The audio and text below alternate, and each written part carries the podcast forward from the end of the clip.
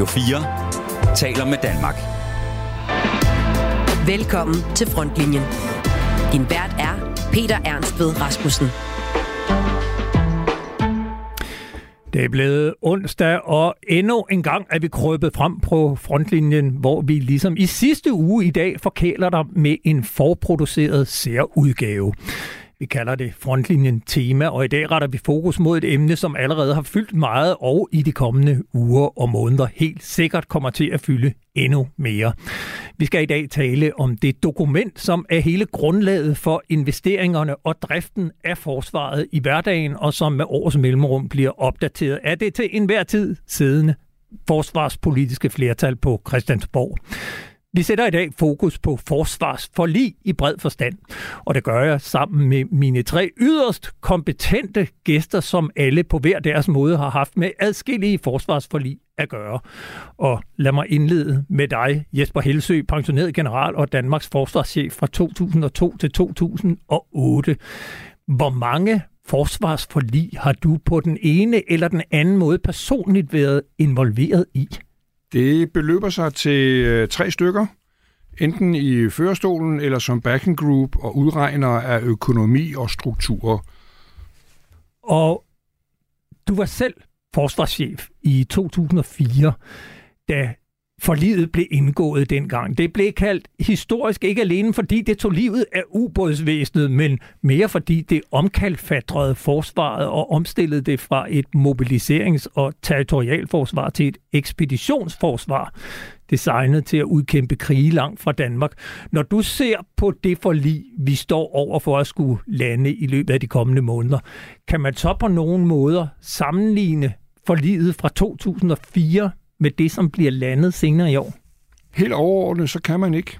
Rammerne er forskellige, økonomien er forskellig, de politiske ønsker og de militære ønsker afviger markant fra det, som vi gjorde i 2004. Der var sætningen en ganske anden under inddragelse af centrale personer i centraladministrationen og politikerne. Men hvis vi løfter det helt op og, og ser på forsvaret i sådan et historisk perspektiv, så selve forandringen, der er i vente i forhold til det, vi kommer fra, det var en meget stor ændring, du lavede tilbage i 2004.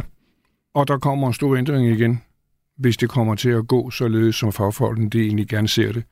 Forsvarets udvikling har igennem årtier kørt i sinuskurver, og der var en sinuskurve i fire, så kan man drøfte, om det var i bund eller i top, og så kommer der en nu igen, hvor man i hvert fald skal til at bygge op igen.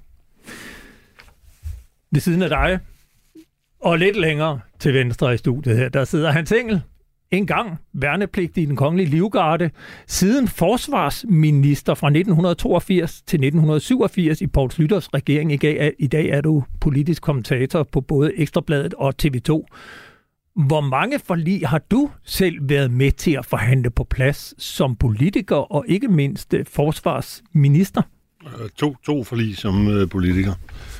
To forlig som politiker, og øh, så havde jeg faktisk ret meget at gøre med, med et forlig i 81, hvor jeg hverken var politiker eller andet, men, men var chef for den konservative præstjeneste. Øh, Palle Simonsen var konservativ øh, ordfører, og øh, Knud Østergaard var den, der på bagsædet gerne ville styre, hvordan forsvaret skulle komme til at se ud, og da de to ikke var særlig enige, så var der brug for en til at, til, til at være en, en diplomatisk mellemled i nogle sammenhænge. Og så man kan sige, da der så skulle laves regering i 82, så, så havde de begge to gjort sig utilbens, så der var ingen af dem, der blev forsvarsminister, så det gjorde jeg. Men det 81, synes jeg faktisk var noget af det sjoveste.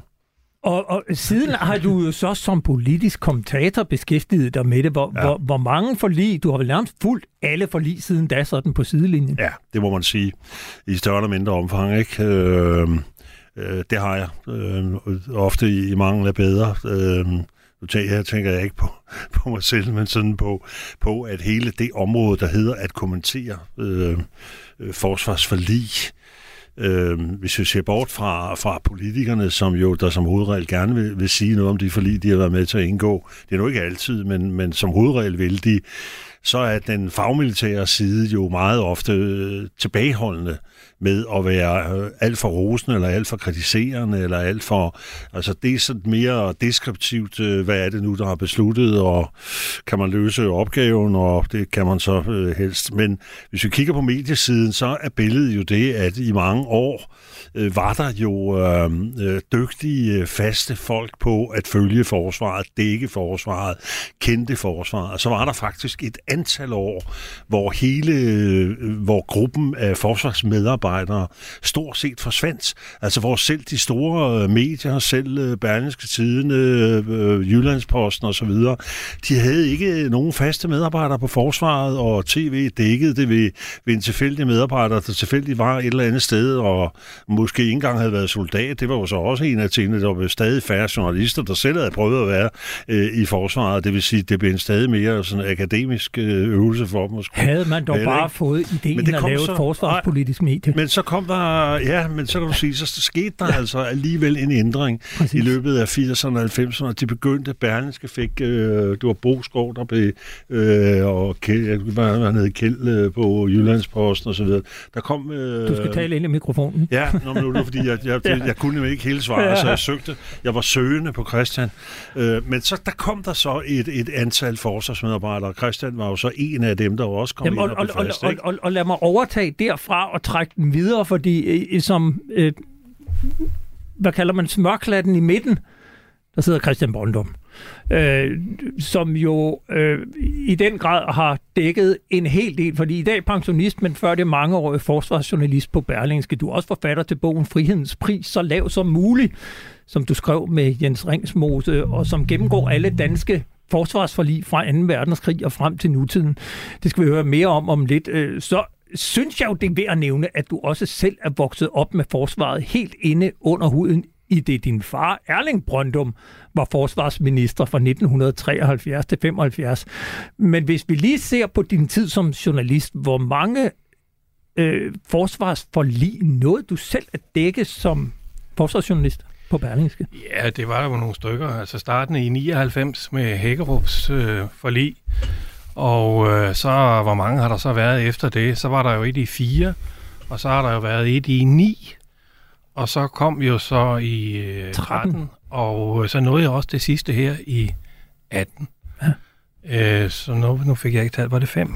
Øh, så øh, nogle stykker er det der blevet til. Hvis du nu frit kan vælge mellem alle danske forlig fra afslutningen på 2. verdenskrig, netop fordi du har skrevet om dem og til i dag, hvilket har så haft de største konsekvenser på forsvaret? Altså det er jeg ikke i tvivl om, sådan på det operative i hvert fald, der var det fire øh, forlid 2004, hvor mobiliseringsforsvaret øh, blev nedlagt, hvilket kostede en masse dyrt indkøbte kapaciteter, kan jeg huske. Det var en af de rigtig gode perioder, hvor man kunne tage rundt og se så mange millioner med milliarder nu brugt på det. Nu ligger det over i hos øh, skrothandleren op i Bjerringbro. Ikke? Hvad var det, han hed? Orla Skrot, tror jeg. Orla Skrot hed ja. han, ja. Øh, der kørte vi for rigtig mange penge metal op i der i, ja, efter det forlig. Således introduceret til dagens emne, hvor vi skal nørde forsvarsforlig i en hel time. Jeg glæder mig og håber, at du som lytter er lige så klar til at blive klædt på, som jeg er. Jeg vil i hvert fald byde dig velkommen indenfor. Radio 4 taler med Danmark. Jeg vil gerne indlede med at se på dansk forsvarspolitik i et historisk perspektiv. Hvis vi ser på det politiske, Hans Engel, hvad har så kendetegnet vores måde at drive forsvaret på, og hvad er i virkeligheden baggrunden for, at man fra politisk hold indførte denne tradition med at indgå flereårige forlig? Ja, Forlin øh, startede jo på et tidspunkt, så vidt jeg husker, var det engang i 60'erne. Altså man havde jo haft efter krigen øh, øh, våbenhjælpen og den begyndende opbygning af forsvaret, og der havde været forskellige aftaler øh, indgået omkring, øh, der skulle bygges nye kaserner, og der kom jo også ny udrustning til den amerikanske våbenhjælp og andet. Men altså på et tidspunkt bliver politikerne jo klar over, at øh, at hvis forsvaret skal have en vis dimension og, og have tilført øh, moderne materiel, som vi så selv skal stå for, så vil det nok kræve nogle aftaler, der rækker ud over det enkelte finansår. Vi skal huske på en ting, det er, at Danmark adskiller sig jo fra mange andre lande ved, at øh, vi typisk har mindretalsregeringer. Vi har ikke en flertalsregering, der sidder i en lang periode og kan styre, regere og bestemme. Og øh, det vil sige, at hvis forsvaret sådan blev afhængig af sådan meget skiftende flertalsdannelser, så var det en rød regering, så en blå, så var det en regering, der byggede på det flertal og det flertal, så måtte man, øh, så måtte man indstille sig på en vis grad af usikkerhed. Og der var fordelen jo så ved, at, øh, skal vi sige, kredsen af de gamle partier, uanset om de var røde eller blå, fandt sammen, og så indgik nogle flereårige aftaler, hvor man så også øh, kunne aftale nogle hovedelementer for forsvarets udvikling i den periode. Og det var jo så først og fremmest, øh, hvilke større materielle investeringer skulle du satse på, og øh, styrkemål, øh, hvad, hvad skulle man indkalde af værnepligtige osv. Så, videre. så derfra udviklede det sig i virkeligheden det her med, øh, med, øh, med, med øh, forsvarsforligende, og de viser jo så at være øh, jo specielt hensigtsmæssige, da vi kom hen til nogle af de der meget, meget store anskaffelser. Altså så har vi for eksempel F-16-anskaffelsen, som jo kostede kassen. Ja, ja, altså det var jo, det var jo en mega anskaffelse efter, efter danske forhold. Og det, at man fik den placeret ind i en uh, investeringsramme, fordelt over et antal år, og man vidste så præcis, hvor stor en andel F-16 tog af, af årenes budget, og så var det ligesom ligesom, så var resten ligesom til en forhandling, øh, til, til forlisforhandling, fordi F-16 var en bunden udgift, og sådan var, var der også enkelte andre projekter. Øh, det gav jo, en, øh, det gav jo en, en, en, en fordel. Så meget, at jeg kan sige, at øh, for eksempel politiet, der jo også er en stor øh, personel, øh, personelforbrug, og også er en rimelig stor materielanskaffer. Da jeg blev justitsminister i, øh, øh der i slutterregeringen, der talte jeg meget med rigspolitichefen, og han, han var meget misundelig på forsvaret over, at forsvaret havde for lige. Og så sagde han, vi kan da prøve at lave det for politiets vedkommende også. Altså, det, i virkeligheden ville det være en god idé, at jeg samlede kredsen af partier, og de synes, det var en god idé. Og siden har vi haft også politiforlig, der strækker sig over flere år. Det er en direkte kopi af, af forsvarsmodellen. Det har så også nogle ulemper, det kan vi også komme ind på undervejs. Altså, det har også nogle ulemper øh, for ligene, og især fordi forligene jo nogle gange jeg vil ikke sige, at de ikke har været det papir værd, de har skrevet på. Det har de som hovedregel været. Men det har jo ikke holdt politikerne tilbage fra at gribe ind i forligene og også foretage ændringer og øh, ikke leve op til de øh, mål, der var fastsat. Eller også så har man lavet nogle forlig, hvor ambitionsniveauet, både i forhold til personel og materiel, ikke var i overensstemmelse med de midler, der blev afsat hvilket så har givet forsvaret problemer. Så altså, det er ikke, det er ikke sådan, at det har bare har været idelykke. Der har også været problemer knyttet til den der forliskonstruktion. Men jeg vil da godt lige nævne, at, at øh, flereårige forlig er helt enige med, med Hans Engel i, at, at det er en fordel, både for politikerne, fordi så kan de dermed få det afgjort, og de kan ligesom lægge den til side og koncentrere den næste store opgave. Det er også en fordel for forsvaret, fordi de har en lang planlægningshorisont. Et hvert anlægsprojekt strækker sig over flere år, så det der med etårige forlig, glem det. Det er ikke nogen idé. Og det gode ved, ved de lange forlig er, at der historisk er et bredt flertal i Folketinget, som står bag på begge sider af midten, hvilket giver forsvaret, kan man sige, den politiske, stabile platform at stå på, uanset hvad for en vej vinden blæser fra vælgernes side. Så, så, så de flereårige forlig er helt overordnet set et plus for forsvaret i den forbindelse. Men der er jo, synes jeg nu, Hans jo nævner det her med, at, øh, at øh, det så ikke er så fleksibelt øh, undervejs. Tag nu den her situation, som vi havde fra øh, i 2013, hvor vi havde lavet et forlig med nogle besparelser indbygget, og så kom jo øh, øh, Ruslands annektering af Krim og, og borgerkrigen i Øst-Ukraine, som pludselig ændrede øh, hele dynamikken i europæisk sikkerhedspolitik så skulle man jo tro, at man i hvert fald som et minimum ville aflyse de fortsatte besparelser på dansk forsvar. Det havde jo været relativt oplagt at sige, det skal vi nok ikke. Det gjorde man ikke. Man fortsatte som om, at verden var uforandret af den, af, af den russiske aggression allerede i 2014. Fordi ja, vi havde jo et forlig, sagde Socialdemokraterne på det tidspunkt, og det skal vi holde os til.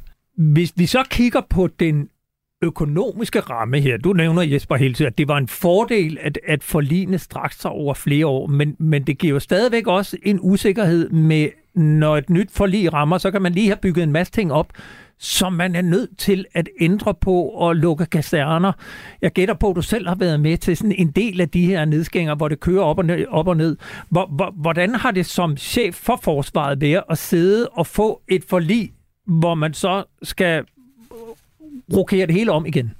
Det gav da nogle øh, alvorlige udfordringer. Det er hvis øh, den milde udlægning i den forbindelse, ikke? Fordi nogle af de systemer, man havde, det personel, man havde, dem blev man ganske simpelt nødt til at nedlægge og slagte og overføre til andre opgaver. Øh, men det skyldes jo, at den rammebetingelse, som blev givet for forsvaret for den næste periode, nu taler jeg specielt om, for, om forliget i 2004 øh, kapacitetsnotatet, ikke? de rammer, der blev givet fra politisk hold, og fra topembedsmændene i, i centraladministrationen gjorde jo, at man ikke kunne videreføre det, som blandt andet var blevet opbygget i Hans Hækkerups tid omkring øh, forsvarets evner og, og Hans Hækkerup, han var forsvarsminister i 1990 under Poul Nyrup. Og, øh, og øh, jamen, hvis rammen er, som den er, hvis den politiske ramme er så givet, som den er, hvis de politiske ønsker er, at man ikke har et territorialt mobiliserbart forsvar herhjemme, men har et mere expeditionary forsvar som sådan, jamen så er det jo det opgaven går ud på, og så har man tilpasse forsvaret sådan, sådan er virkeligheden jo for alle nationer. Må jeg lige gribe en bemærkning, som øh, Christian Brøndum havde omkring 2014 og, og Krim. Øh, der kan man jo rette, med rette mener jeg, jo øh, bebrejde politikere bredt set, ikke kun i Danmark, men også i Europa og internationalt, at de egentlig sov i timen. Og det er jo interessant i dag at opleve nogle af regeringsministerne i dag erkende, at det var en fejl. Og jeg kan kun underskrive den betragtning. Ja, det var i hvert fald øh, meget, meget opsigtsvækkende. Man besluttede 15 procents besparelse og øh, tvang det igennem, selvom at øh, Rusland invaderede både Krim og, og Øst-Ukraine. Øh, Christian Brøndum, du skrev tilbage i 2018 sammen med Jens Ringsmose denne her bog, Frihedens pris så lav som muligt. Øh, kan du ikke prøve at tage os med og fortælle, hvad det var for en tankegang, som jeg vil nærmest gennem alle årene øh, derfra efterkrigstiden frem til i dag har været kommet i få, kan man sige, blandt politikere og embedsmænd, når det kom til indgåelsen og, og fastsættelsen af budgettet for de forsvarsforlig, vi indgik der op igennem den kolde krig. Altså det, man kan øh, læse i arkiverne fra den gang, altså det gælder både i Udenrigsministeriets arkiver, de politiske partiers arkiver og ellers rundt omkring, øh, ministers øh, efterladte notater og sådan noget, det er jo, at det i virkeligheden handlede om at øh, lave, øh, sige, opbygge et tilstrækkeligt meget forsvar i Danmark til, at man kunne kvæle kritikken fra NATO. Det var sådan set, man skulle være sikker på, at man havde accept i NATO og hos USA, af at det vi gjorde, det var acceptabelt. Og når det bare var opnået, altså at en præmie var betalt på et niveau, som vores øh, store allierede ville acceptere, så var det godt nok. Og det var sådan ud fra en tankegang om, at et lille land som vores, vores forsvar, om vi så brugte hele bruttonationalproduktet på det, ville alligevel ikke spille nogen rolle i den konflikt, man kunne øh, forestille sig på det tidspunkt, hvor altså øh, kæmpe øh, herrer ville øh, øh, skulle mødes i, øh, i Europa. Øh, så hvorfor gøre mere? Altså, det var sådan lidt den gamle radikale tankegang om, hvad skal det nytte? Og derfor så kunne man jo ud fra sådan en øh, købmandsbetragtning jo lige så godt nøjes med at betale så lidt som muligt.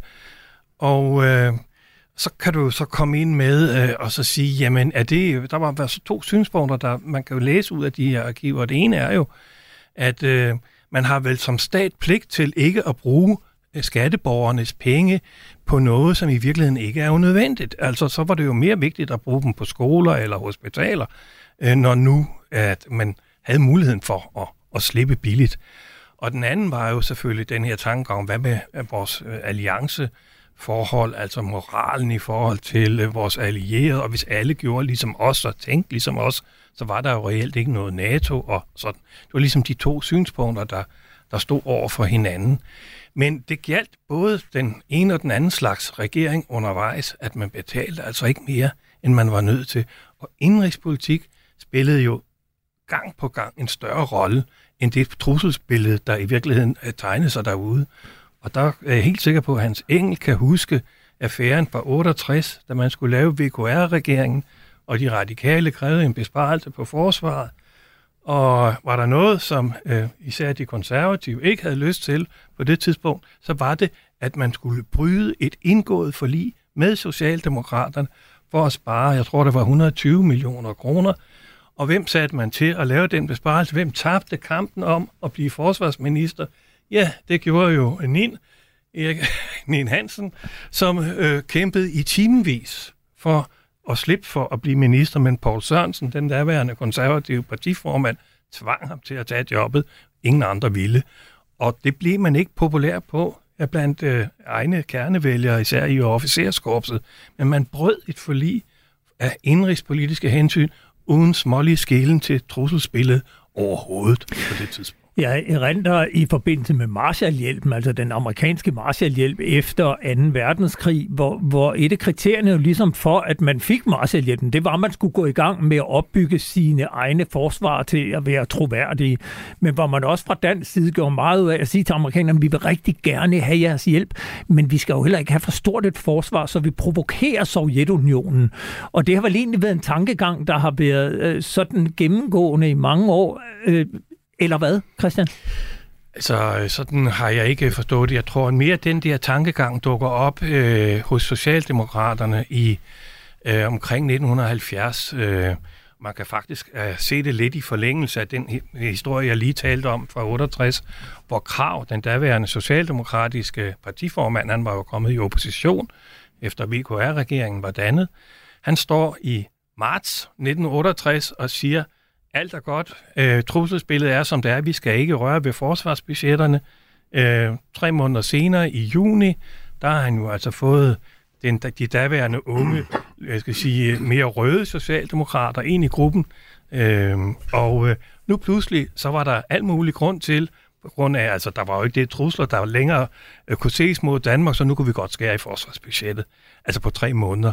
Der øh, kan man fornemme, at også her var det øh, indrigspolitiske og, og her partipolitiske hensyn, der vejede tungere end hensynet til trusselsbilledet og forsvarets udvikling. Og der tror jeg, at vi så begyndelsen til øh, det, der så bliver øh, ført frem mod fodnotepolitikken i virkeligheden øh, nogle år senere, hvor man dobbeltbeslutningen kom til i 70'erne og alt det der. Så det er jo en god historisk, og det er en korrekt øh, udredning af, af, af historien om øh, tiden efter VKR. Øhm, men jeg vil også godt lige sige, at, at, at politikerne er jo, uanset hvor stort forsvaret blev eller bliver, så er politikerne jo orienteret om, hvad udtalelserne er fra alliancens side, fra NATO's side, om det, man kommer op med. Fordi resultatet af styrkemålsgennemgangen og forsvarsgennemgangen i alliancen, den bliver jo forelagt i hvert fald forligskredsen så langt tilbage, jeg kan huske, så de får at vide, at det er sådan meget godt det og det og det, ikke? Men alle de ting der, det, der halter jeg så bagefter. Altså kritikken kommer uanset, hvor pænt forliget bliver. Det skal vi netop uh, tale om nu. Radio 4 taler med Danmark. Du lytter i øjeblikket til en temaudgave af Frontlinjen, hvor vi i dag sætter fokus på forsvarsforlig. Med mig i studiet har jeg tidligere forsvarschef Jesper Helsø, tidligere forsvarsminister Hans Engel, som i dag også er politisk kommentator, og pensioneret berlinske journalist Christian Brøndum. Vi skal se lidt på det her, hvordan forsvarsforlig bliver til, og i den forbindelse hører vi netop ofte, som du nævnte, Jesper Helsø, NATO's styrkemål som ramme for de danske forlig, og man kan vel kalde det for NATO's opdrag til medlemslandene.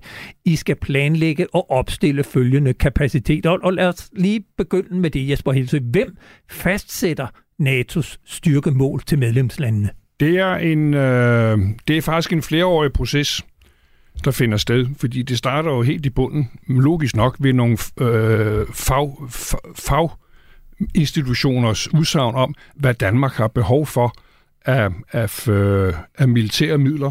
Og hvad er det for faginstitutioner? Er, er, det, NATO, det, eller er det, det Danmark, der melder? Det er Sakør. Og hvad er Sakør? Øh, og Sakør, han er jo Supreme, Supreme. Allied Commander Europe, ja. øh, og dermed øverste øh, chef for, for NATO's, hvad kan man sige, øh, militære, militære styrker i Europa. Ikke? Og øh, der er en dialog mellem Sakør og Forsvarskommandoen om, hvad kan vi blive enige om? Ser vi ens på det? Hvordan ser truslen ud? Derefter går den til, øh, til NATO-hovedkvarteret, hvor den bliver behandlet i den internationale militære stab og den internationale stab, som er, hvad kan man sige, det, øh, øh de øverste stabe i, øh, i NATO-regiet, hvor der så er en dialog øh, også med departementet i Danmark, altså Forsvarsministeriets øh, embedsvæsen som sådan, øh, hvor, man, hvor man også finder frem til, okay, hvad er muligt, hvilke rammer kan der være, hvad vil I være tilfreds med, kan det lade sig gøre, hvem er der samarbejdspartnere og den slags ting. Og det ender så af, øh, ender så øh, med et, et styrkemålspapir, som bliver forelagt regeringscheferne til godkendelse. Og det vil sige, når styrkemålet så kommer fra NATO, så ligger det rimelig fast, fordi den indflydelse, ja. vi har haft på det, den er foregået i dialogen op til, at styrkemålet bliver givet til medlemslandene. Helt korrekt, og en dialog, der har fundet sted på forskellige niveauer, helt fra det fagmilitære område op på det politiske. Hvor, hvor meget kan man så, om jeg så må sige, tillade sig som land at undlade at leve op til de styrkemål, man har fået fra NATO? Det, det kan man jo politisk... Lad, lad, lad, det kan være, at jeg skal stille det spørgsmål ja, til dig, ja, ja, ja, fordi det tror jeg... Jo, altså, altså lad, lad, os nu ikke, lad os nu ikke sidde og foregøjle af hele processen omkring øh, forsvarsforlig. Det er sådan noget meget dybt videnskabeligt, og NATO-komité og NATO's mig her og mig der, og Københavns Universitets øh, forskningsenhed og sikkerhedspolitiske specialister osv. videre. så videre. Altså, altså, læg nu lige alt det der til side, fordi selvfølgelig kommer NATO med indstillinger, og selvfølgelig er de kendt, og regeringerne osv. videre. Men de har jo altid en form, hvor de jo ikke kan betragtes som direkte ordre. Altså de enkelte lande og de enkelte landes repræsentanter, der sidder i militærkomiteen og i...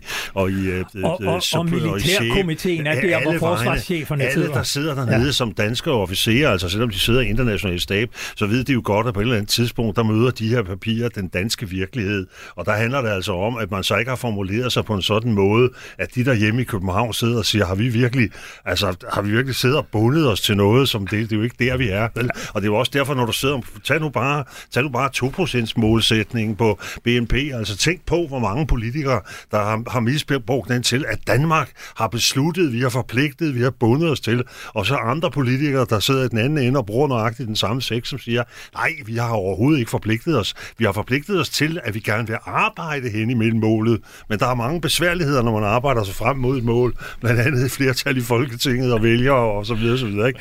Så, og det er, jo lidt det, det er jo lidt det, der har karakter. Altså set med mine øjne, der spiller hele NATO-delen i forhold til politikerne, hvis det er der, vi er, så spiller det selvfølgelig en, en en rolle, og selvfølgelig er de orienteret. Selvfølgelig ved de, hvor NATO har nogle særlige kritikpunkter, og hvor man gerne ser dansk forsvar styrket, og hvor indsatsen bliver særlig osv.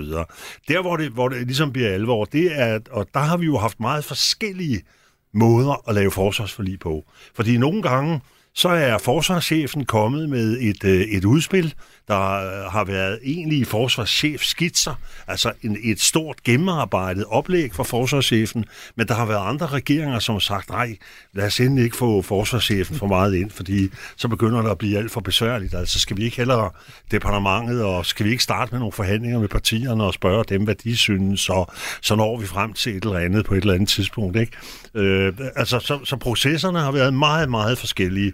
Og, men, og men, nogle af dem, altså øh, den store, da vi havde den kæmpe store forsvarskommission, som Knud Heinesen... 2008. Ja, det var, uh, Hækkerup var, uh, Hans Hækkerup var minister, ja. men valgte og så det ikke før, det er 97. Ja, 97. Ja, det er 97. Han valgte ikke selv at være formand for kommissionen, men at sidde ved siden af. Og så var Knud Heinesen formand, og så sad hele den fagmilitære øh, ekspertise. Øh, vi har aldrig set så mange stjerner og og, og og medaljer og så videre. Og så nede for enden, der sad der sådan en stor gruppe fra universiteter og læreanstalter, og så sad der på den tredje led, der sad alle politikerne. Og det hele det startede så med, at alle, øh, alle dem fra universiteterne, de sad med deres store studier. Og jeg kan huske, da de var færdige, talte jeg med en gruppe, der vi politikere, vi gik jo sammen nu, og vi var fra alle partier. Og så kom ud, og så kan jeg huske, der var en, der kom hen og sagde, Nå, nu bliver de vel smidt ud, så vi endelig kan komme i gang med noget fornuftigt. Ikke? Altså underforstået, alle disse, som har udgivet bindstærke værker om dansk sikkerheds- og forsvarspolitik. Kan vi ikke snart få dem ud af lokalet, så vi kan komme i gang med det her? Så kom de fagmilitære, så gik vi ned, så gik, kom vi ned til hardcore, og til sidst var det så politikerne, som jo så, om jeg så må sige, fik lavet i øvrigt et udmærket forlig og et stort forarbejde, men som jo altså blev det politiske øh, koncentrat af det hele, og som forsvarschefen selvfølgelig også øh, sagde god for. Men altså, det er bare det, man skal ikke tro, at de her gange, de er, øh, uanset der er meget formalitet i det, så er det altså ikke sådan, at fordi NATO's militærkomité øh, kommer med et øh, dokument, som de så sender, at så er det mejslet ind som de 10 bud. Det er skrevet i bud, ikke? Jeg er helt enig med Engel. Altså, en NATO-styrkemål er en parameter. Det er dog en vigtig parameter.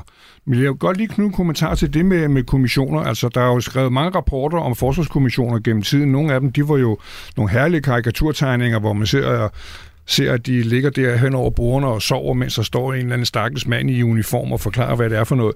Men der er en stor fordel ved kommissioner, det er, at det er faktisk et godt opdragelsesmiddel. Øh, og når jeg kigger i dag på forsvarspolitiske ordfører og folk, der har forstand på forsvar og den slags ting på Christiansborg, så vil jeg sige, at der var en forsvarskommission, som kunne op, undskyld, udtrykke opdrage dem til, hvad det her er for noget, og hvordan man håndterer det. I hans Engels tid og tiden efter, der havde vi faktisk en gruppe af folketingspolitikere på forsvarspolitiske område og udenrigspolitiske område, som forstod mekanismerne og hvordan de arbejdede sammen i det her. Og derfor kunne man få en substantiel drøftelse imellem det fagmilitære område og det politiske område som sådan. Det kan jeg godt sige øh, god fornøjelse til den nuværende forsvarschef, for der ligger altså hårdt arbejde. Fuldstændig enig. Er det, er, fuldstændig det... enig. Altså det, det synes jeg er fuldstændig rigtigt. Fordi altså, du havde haft, øh, dels havde du haft øh, politikere, som havde siddet på området i ganske mange år, derved fået en stor viden. De havde også i udpræget grad selv været øh, soldater, de havde været reserveofficerer eller var reserveofficerer. Det vil sige, de havde, altså, de havde en føling og et kendskab til forsvaret, og, og, øh, og tog det alvorligt, tog forsvarets meldinger for alvorligt, læste på den måde, som det skulle læses osv. Og, og det gav en anden kvalitet i debatten, øh, hvor du i dag ofte Øh, når, man, når jeg følger øh, samråd og så videre i Folketingets øh, forsvarsudvalg og ser de meldinger, der kommer i medierne, der, der er det helt åbenlyst, at der er en del af dem, som savner øh, helt den mest basale viden om, hvordan forsvaret fungerer, og hvad ting koster, og hvad det koster at drive dem. Altså, der slynges om som med projekter, som en hver, der bare har en lille smule øh, indsigt i det, vil sige, det der, det, det holder aldrig stik. Ja. Er, er det noget, du kan genkende, ja, altså, ja, det, selvfølgelig. Altså, jeg kunne godt lide den der kommission øh, fra 97, fordi der var så mange medlemmer af den. Ja. Så begyndte papirerne jo også at fløjte ud gennem sprækkerne, fordi det var jo svært ligesom at, at holde på hemmeligheder. Ja, det, det, du godt lide. det, det var det, du godt tilfreds og, og de papirer savner vi i dag. Og det savner vi jo lidt i dag, men må jeg komme med en... en jeg er helt enig i forstå, den her med, at der, man bliver klogere af at sidde i en kommission, fordi man, hvis man er vågen, så hører man jo også på nogle fornuftige folk, men, øh, men altså prøv lige også at tænke på, hvad det var for konklusioner, sådan hovedkonklusioner, der kom ud af de her kommissioner. Den der i, i Hækkerups øh, kommission, øh, barslede vel i 98, eller var det 99, øh, den sagde jo blandt andet, at øh, i de næste 10 år kunne man ikke se nogen konventionel trussel mod Danmark. Den eneste, der i øvrigt var lidt det betænkelig, det var nemlig Arne Wilson. Wilson nægtede at skrive Han nægtede at skrive ja, ja. for han var, jeg ved ikke, om det var hans ja. baggrund, øh, som hans familiebaggrund, der måske gjorde, at han det var, det der i høj grad. var skeptisk over for hvad russernes uh, hensigter på lang sigt. Men, uh, men det andet, der så, næste der kom, det var så ikke en kommission, men det lignede jo lidt, det var jo Brun-rapporten, der lå til grund for for omstillingen af forsvaret i, i 2004. Den kom i 2003, og den sagde, så langt øjet rækker, kan vi ikke se nogen konventionel trussel mod Danmark. Og det var så altså kun 20 år siden. Og så havde vi vel også en kommission eller noget 2008. Lignende. 2008. Jeg mindes heller ikke at have set nogen øh, kan sige, klarsynet øh, blik på, hvad... Og der havde vi jo dog haft Georgien, øh, hvad, hvad Rusland øh, ville vise sig i stand til.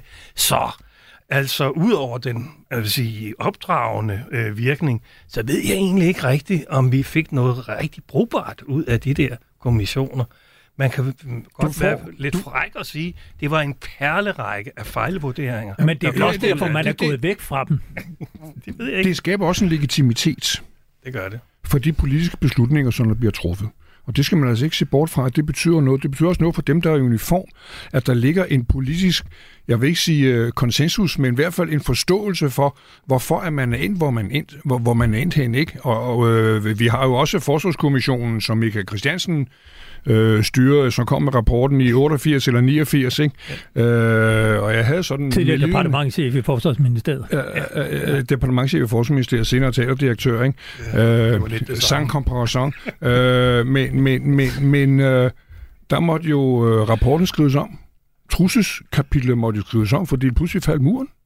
Ikke? Ja, det er man, de, man, ikke. man glemte lige at ændre alle de efterfølgende kapitler, det er sådan en anden side af sagen, ikke? Men, men der er legitimitet i kommissioner, og der er en opdragende effekt i kommissioner. Det skal ja. man ikke se bort fra.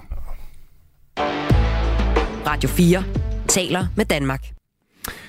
I Danmark har vi tradition for, at forsvarsforlig bliver forhandlet bag hermetisk lukkede døre, og så bliver offentligheden og pressen først involveret, når der kommer hvid røg ud fra Forsvarsministeriet, og forliget er indgået. Og helt anderledes er det jo såvel i Sverige som Norge, hvor oplæggene til forlig bliver debatteret i offentligheden, inden de bliver indgået.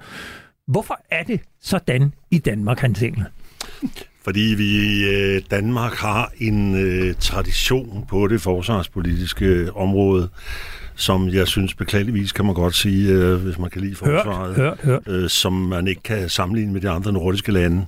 Altså, øh, jeg, må, jeg må indrømme, øh, hvis jeg skal komme med et, et stort suk, øh, så, så er det, at at øh, i de år, hvor jeg selv var politiker, og hvor jeg selv havde med forsvaret at gøre, både som forsvarsminister, men også som forhandler osv., osv., der sad jeg ofte og øvrigt sammen med, med partifælder og andre, og vi sagde til hinanden, hvordan kan det være, at vi i Danmark har soldaterforeninger, flyvevåbnets foreninger, marinens foreninger, vi har øh, forsvarsbrødre, vi har et hav af organisationer med et samlet medlemstal på langt over 100.000 som står bag forsvarssagen. Vi har et hjemmeværn, som i de bedste år, altså går jeg tilbage til min tid som forsvarsminister, var hjemmeværnet på 78.000 øh, mand.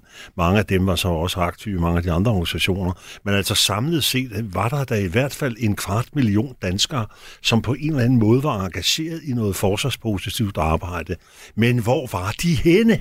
Hvordan kunne 27 kvinder for fred fylde hele rådhuspladsen og stå dernede og tale imod øh, NATO's øh, strategi, alt det vores øh, sikkerhedspolitik byggede på, for kæmpe medieomtaler og en stor historie, og 200.000, der var arbejdet for, for Danmark og vores placering i NATO osv., havde stort set ingen indflydelse på mediedebatten i Danmark. Det, det, var, det er for mig, og det er frem til denne dag, en gåde, hvorfor det forsvarspositive Danmark har været så skrækslagent for at gå ind i nogle diskussioner og tage nogle temaer, fordi man er bange for at politisere. Men skulle jeg hilse at sige, at de, der har et andet synspunkt, det er der efterhånden så ikke så mange, der har, men de, der har det et andet standpunkt, de, de er, har nærer ingen som helst form for bekymring for, for de der diskussioner. Så altså, bare lige for, og det spiller jo også ind, det gør jo også, at vi har jo heller ikke nogen tradition, hvis jeg må sige det lige ud, vi har jo heller ikke nogen tradition for internt i forsvaret, nogen sådan stærk forsvarspolitisk debat. Og her er jeg fuldstændig klar over, at selvfølgelig kan forsvaret og forsvarets ledende folk jo ikke begynde at sidde og forholde sig til partipolitik og en regering, og man har loyalitet, og man har det ene og det andet. Men det er jo alligevel fantastisk, at Danmark for nylig har en folkeafstemning, om vi skal være med i øh, EU's forsvarssamarbejde eller ej. Og i hele denne debat, der kører om det her tema, der noterede jeg to officerer, som havde synspunkter. Den ene var en pensioneret admiral, og den anden, det var en øh, major, som jeg vil tro har øh, set sidste chance for at få yderligere stjerner. Jeg kan bare... Øh, no, altså, det var de to, by, by, det to eneste, som var synlige. Ellers så var der ingen, der skulle nyde noget af at mene noget, og der sidder jeg jo ikke og, og efterlyser, at nogen skulle gå ud og sige, at vi anbefaler ja eller nej. Men der var simpelthen bare ikke nogen, der havde noget at byde på i debatten. Vi har ingen tradition altså, jeg, jeg, jeg kan bare den sige form her for diskussion. For, øh... Og det går som regel galt, når, når, når, når så der er nogen, der står frem. Og, og, så det er derfor, det er meget svært at sammenligne med de andre nordiske lande. For to uger siden havde jeg et oplæg for en række journalister på altså de førende danske medier, og der var 24. Og så spurgte jeg, hvad hedder forsvarschefen i Danmark? Hvor mange tror I kunne svare? Nul. Nul. Og det, og, det, og det siger jo lidt om, hvor fraværende forsvars ledelse, forsvars fagpersonel er i den offentlige debat. For hvad sker der, hvis chefen ikke træder frem? Ja, så gør dem under ham det heller ikke. Jeg tror, Æ... at uh, Hans Engel har, han har ramt hovedet lige på sømmet. Og jeg tror, vi skal lade Christian give mulighed for at kommentere det der. ikke. Men, men, men, men, men øh, jeg, jeg mener faktisk kun, at øh, det fagmilitære udspil i nyere tid kun er kommet én gang. Hvor forsvaret gik ud og sagde, det er det her, vi vil. Men, men Christian, er det noget, du kan genkende, det som Hans ja, ja, taler om her, og din egen sikkert. tid som journalist? Ja, for søren da. Og da, altså, da jeg startede der, og i slutningen af 90'erne, der havde vi den store begejstrede glæde ved at kunne ringe rundt på tjenestestederne og tale med erfarne folk, der vidste, hvad der foregik, og som også kunne forklare, og nogle gange også gerne stå frem og, og havde et synspunkt om, det nu var det ene fly eller det andet fly, man skulle købe, eller øh, hvorfor det ene var bedre end det andet, og den slags ting der. Men vi fik noget input fra den virkelige verden. Og det bedste selvfølgelig, og sjoveste, som man jo altid ville gå efter, det var jo, øh, når der var uenighed mellem toppen og, ja, det, og brugerne. Det var jo det selvfølgelig altid det. Øh, det. Det var jo ligesom den, den faste melodi, men men, øh, men det, det sandede jo langsomt til efterhånden, som man professionaliserede, og nu viser jeg nogle gåseøjne, øh, kommunikationen i, i forsvaret, fordi øh, også i, i gamle dage, i begyndelsen af nullerne et stykke op, der kunne man jo ringe ned til en sagsbehandler nede i, det, departementet for at vide, hvor var en sag henne, øh, hvad skete der i den, og hvor var interesserne henne, hvis man skulle købe noget nyt materiel eller et eller andet. Det sandede jo til, fordi nu var det jo pludselig øh, en eller anden informationsmester, øh, der skulle øh, ikke hjælpe en på vej, men snarere sikre, at man ikke øh, Øh, kom igennem med sine spørgsmål. De skulle øh, kontrolleres politisk, om det nu overhovedet øh, var muligt, og så skulle man i givet fald give et skriftligt svar. Altså på den måde fik øh, forsvaret jo lukket sig om sig selv, også ude i regimenterne, hvor der før sad nogle regimentschefer, der ligesom var lokale konger og godt tog at mene noget. Det, dem fjernede man jo også, altså i hvert fald af deres autoritet. Så øh, på den måde, så er det jo forsvaret, der har lukket sig om sig selv, og toppen noget, man vil, da den øh, øh, øh nu afgåede øh, øh minister Trine Bremsen udnævnte sin forsvarschef til styrelseschef. Men, altså... men jeg, jeg, jeg er nødt til at, at, at spille et lille klip for jer her, fordi det er netop bemeldte Trine Bramsen, der var forsvarsminister i den socialdemokratiske regering. Og hun har nemlig en kommentar til, hvorvidt at vi er modne i Danmark til at have sådan en åben debat, som man øh, også har i Sverige og Norge. Jeg har også kigget til Norge og synes, det er et interessant de setup, de har der. Jeg må også sige, jeg tror ikke, vi er moden til det i Danmark endnu. Jeg vil gerne derhen. Jeg tror ikke, vi er moden til det endnu, og det synes jeg, de her artikler, de vidner om. Ja, det var sjovt nok nogle artikler i Forsvarsmediet. Olfi, øh, som øh, Trine Bramsen, daværende forsvarsminister fra 19 til hun blev aflyst sidste år i 22, altså var minister. Og det her, det var nemlig på baggrund af en debat, hvor vi, for, når vi talte om det her, hvor man i Norge altså fremlægger øh, op, forsvarschefen får til opgave at opstille nogle trusselsvurderinger, fire trusselsvurderinger, realistiske, så, og så indrette sit forsvar ud for fire øh, forskellige mulige løsninger. Og så kommer debatten, hvor man debatterer, og så går politikerne sammen og sætter sig sammen og, og, og laver et, et forsvarsforlig. Han tænker, nu er hele hvad kan man sige, opbakningen til forsvaret jo rykket markant. Jeg vil nærmest kalde det et jordskred, hvor helt over i enhedslisten bakker man jo op om forsvaret, man bakker op om NATO. Er det her i virkeligheden et, øh, kan man kalde det på, på engelsk, window of opportunity til, at vi kan ændre måden at gøre det på i Danmark, skabe noget mere offentlig debat, eller er vi bare så fastlåst i den tankegang, at vi kan glemme alt om at få en offentlig debat om forsvaret, inden for livet bliver indgået? Altså, jeg, jeg, jeg er fuldstændig sikker på, at øh, politikerne, forsvaret, øh, ministeriet, forsvarskommando, er nødt til at tænke i, i baner, der handler om øh, hele offentlighedsfasen, nu hvor man øh, for alvor begynder at gå ind i et nyt forsvarsforlig. Og hvorfor nu lige det? Jo, for det første, fordi det bliver et forlig, som kommer til at rumme rigtig, rigtig, rigtig mange penge. Altså, der vil være et andet fokus, øh, fordi vi taler om så mange, mange, mange, mange milliarder, og derved vil kravene om, øh, at øh, de bruges rigtigt, at øh, forsvaret også kan administrere rigtigt osv. osv., de vil blive øh, enorme. Der vil komme en stor diskussion, altså som udgangspunkt er det jo 10 partier, der sidder omkring bordet, en meget stor kreds, det er jo ikke sikkert, at vi lander der, men, men der vil jo også komme en stor diskussion om, hvad er det for nogle systemer, vi skal satse på, hvad er det for nogle våbensystemer, øh, altså allerede nu kan vi jo høre alt lige fra krydsermissiler til, øh, til øh, ubåde og til jeg ved ikke hvad, der sejler igennem det hele til, til milliarder og milliarder og med enorme sikkerhedspolitiske konsekvenser. Altså skulle Danmark sammen med USA og England være de eneste, der havde krydsermissiler og så videre. Så hele den der diskussion, den vil blive, øh, den vil blive øh, øh, øh, enorm, og den er man jo nødt til at kunne håndtere på en eller anden måde. Finde en måde, hvorpå debatten den kan, kan foregå. Øh, og så vil jeg sige, at, at netop fordi det er så stort et forlig, og fordi der er så mange penge, så bliver det jo også nødvendigt, øh, alene det, at sikkerhedspolitikken har ændret sig. Rusland øh, øh, er, er nu den absolut største og mest nærværende trussel, men vi sidder altså også med nogle udfordringer i det arktiske. Hvordan har man tænkt sig at håndtere det? Altså kort sagt, det at definere forsvarets mål og opgaver, hvad er det egentlig, vi vil med det danske forsvar? Er jo i den tid, vi lever nu, blevet en meget, meget sværere opgave, end på det tidspunkt, hvor vi vidste, at fjenden stod i øst. Vi vidste, hvad det danske forsvars øh, opgaver var. Det var hele var klart defineret. Øh, spørgsmålet var bare, hvor mange penge kunne vi bruge på hvad, hvor mange skulle vi indkalde, og hvordan kunne vi bygge ud. Men der var ikke nogen større uenighed om, øh, om selve missionen, om selve forsvarets opgaveløsning og den slags. Nu står man jo og skal træffe nogle valg, fordi selv med de penge, der bliver lagt på, vil der jo ikke være råd til det hele. Og hvad er det så, der skal prioriteres, og hvad er det, der ikke skal prioriteres? Den diskussion kan man jo ikke bare have i et lukket lokale øh, nede i Forsvarsministeriet.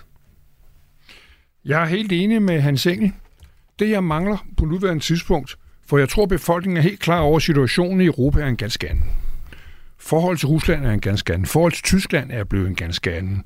Efter det, som er sket efter den 24. februar sidste år. Ikke? Hvor ligger det strategipapir henne, som forsvarschefen egentlig godt vil bringe på banen og sige, det er sådan her, jeg ser det. Læg det ud til en drøftelse. Og jeg mener, det er vigtigt at få lagt ud til en drøftelse, fordi de politikere, der skal behandle det senere hen, har skundte baggrunden for at forstå, hvordan det her er. Så der skal en væsentlig mere åben diskussion omkring forsvarets overordnede strategi ud til almindelig drøftelse med fagforeninger, med politikere, med interessegrupper og med befolkningen og medierne generelt. Ikke? Og så skal man lige huske, at der skal altså to til en tango, og det betyder, at forsvaret skal lægge sine planer frem selvfølgelig. Ikke?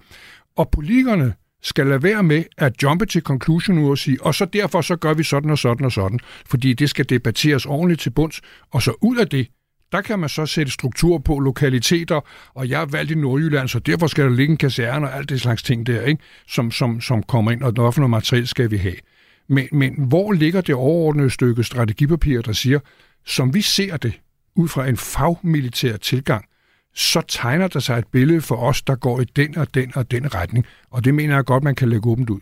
Jeg, jeg kunne godt tænke mig lige ja, at, at, at, at spørge dig øh, som tidligere forsvarschef. Altså, vi har hørt om forsvarsforligene, der jo igennem mange år i virkeligheden handlede om at skære til og øh, spare, effektivisere.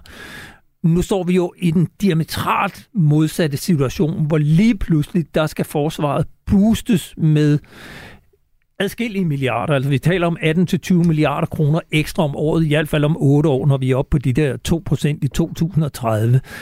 Er forsvaret overhovedet gearet til at lave den omstilling, altså de officerer, der sidder og planlægger det her, som har været vant til at spare og spare og spare. Kan man omstille sig mentalt og sige, ah, okay, yes, nu skal vi i gang med at opruste. Hvad er det for en opgave, forsvarets ledelse sidder med i dag? Det er en enorm opgave. Øh, fordi det er en opgave, hvor man kan ane konjunkturerne til, hvad det er for noget, vi ender i. Forudsætningen for at nå derhen er, at du har det personel til rådighed, den uddannelse til rådighed, de faciliterer til rådighed, der gør, at det her det er muligt. Så det er en, en lang proces, og, og øh, det tager år. Altså, du kan ikke bare rykke, som du selv ved, rykke annoncen i lokalavisen og sige, søger en mand med den og den erfaring, militær baggrund, sådan og sådan, har kendskab til. Det kan du ikke. Øh, så, så jeg har fuld tillid til, at, at dem, som sidder i dag i toppen af forsvarsplanlægning, er i stand til det, fordi de har oplevet det andet også. De har også oplevet, men også reduktionerne som sådan. Men det er muligt. Jeg synes, der er to ting, der er helt specielle den her gang op til det forsvarsforlig, der skal laves nu helt anderledes end, end tidligere. Den ene, det er jo den her markante politiske enhed hen over Socialdemokraterne og Radikale. Altså man kan knibe sig jo næsten i armen, når man hører statsministeren stå og tale om, altså hvad vi har behov for i Europa og vores alliancepartnere, og, og det er de radikale med på, og der er, altså, og det er SF med det, på. Det er jo en fantastisk situation, altså sammenlignet med det slagsmål, der var hele vejen efter NATO-tilslutningen i, i 49, og så til nu. Der er altså virkelig sket noget det. Og hvis du går ind og kigger på befolkningens tilslutning til forsvaret, der er lige kommet den her meningsmåling i sidste uge fra Tænketanken Europa. Danmark hører jo til sammen med Estland og Vest øh, Polen til de øh, lande i Europa, der støtter Ukraine allermest, ligesom vi øvrigt støttede øh, Afghanistan-indsatsen på trods af de tab, vi havde øh, blandt de bedste, eller de, de, den stærkeste støtte. Det er sådan, det er to, en vigtig forudsætning, der er sket her. Og det andet er så, uanset hvor mange milliarder de kommer med her, så spørger jeg bare, hvor vil de skaffe personellet fra, og hvor vil de skaffe materiellet fra?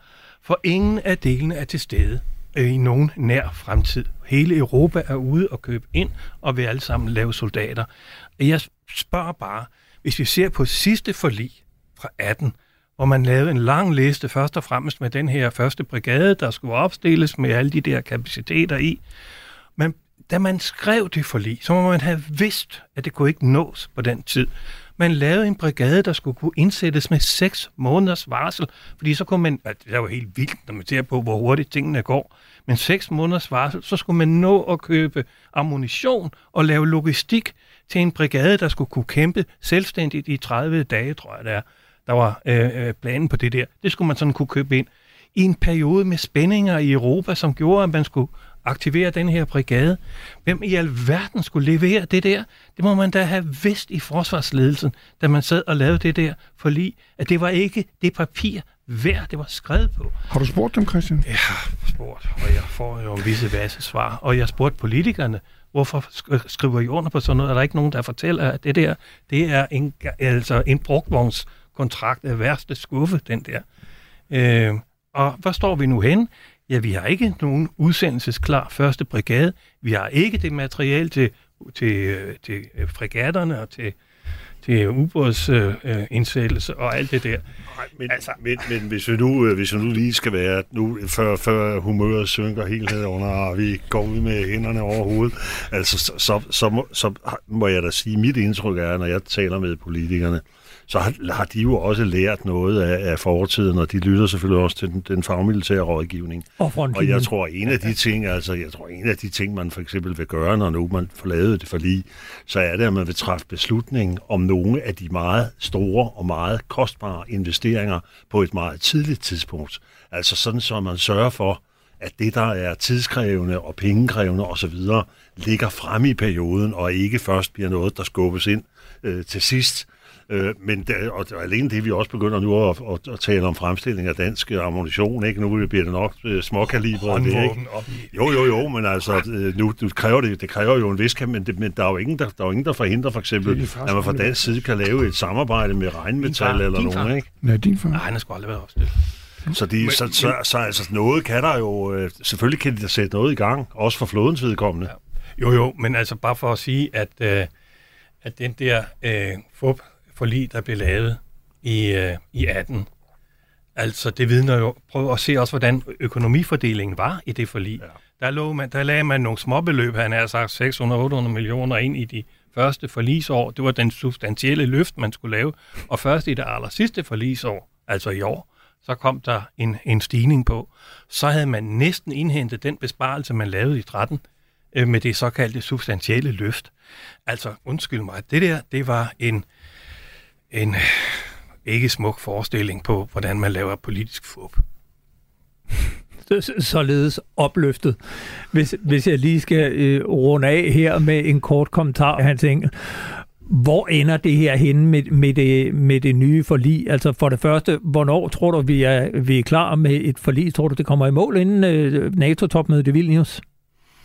Jeg tror, det bliver meget svært. Altså nu er det, at, øh, at øh, forsvarsministeren og Jacob Ellemann er langtidssygemeldt, har jo, har jo skabt nogle øh, praktiske øh, problemer. Så det, det regeringen jo selvfølgelig sidder og overvejer nu, det er, skal man gå i gang med forhandlinger og øh, ligesom at høre på, hvad partierne vil, og så samle det sammen og bruge det til, til et samlet udkast, man forhandler om, eller skal man selv lægge et udkast på, på, på, på banen? Altså, det, ingen tvivl om, at Ellemands øh, sygdom, den har skubbet det hele, og jeg tvivler meget på, at man har et forlig inden, inden Vilnius. Jeg tror snarere på, at det kan ende med et forlig, der først falder på plads efter sommerferien. Jeg er ked af det, men vi når simpelthen ikke mere. Øh, det var alt, hvad vi nåede denne temaudgave af Frontlinjen om forsvarsforlig. Tak til Hans Engel, politisk kommentator, tidligere forsvarsminister. Også tak til dig, Christian Brøndum, pensioneret journalist fra Berlingske, og tidligere forsvarschef Jesper Helsø. Tak fordi I kom. Radio 4 taler med Danmark. Fik du ikke hørt frontlinjen i sidste uge, sendte vi her en temaudsendelse om Tyrkiet med adjunkt Hetaf Røjern fra Københavns Professionshøjskole og Jakob Lindgaard fra Dansk Institut for Internationale Studier. Den er værd at lytte til, hvis du vil forstå, hvorfor Tyrkiet og Erdogan agerer som NATO's sorte for og holder særligt Sverige på pinebænken i forhold til broderlandets optagelse i NATO. Denne udsendelse blev tilrettelagt og produceret i samarbejde med journalist Kasper Junge Vester. Husk, at du altid kan skrive til os på frontlinjen radio4.dk med gode råd, ris og ros eller forslag til emner, som vi bør tage op på et senere tidspunkt. Hvis du giver os et følg i din podcast player, så lander frontlinjen direkte på din telefon hver onsdag. Tilbage er der bare at sige tak, fordi I lyttede med, og på glædeligt genhør. Du har lyttet til en podcast fra Radio 4. Find flere episoder i vores app, eller der, hvor du lytter til podcast. Radio 4 taler med Danmark.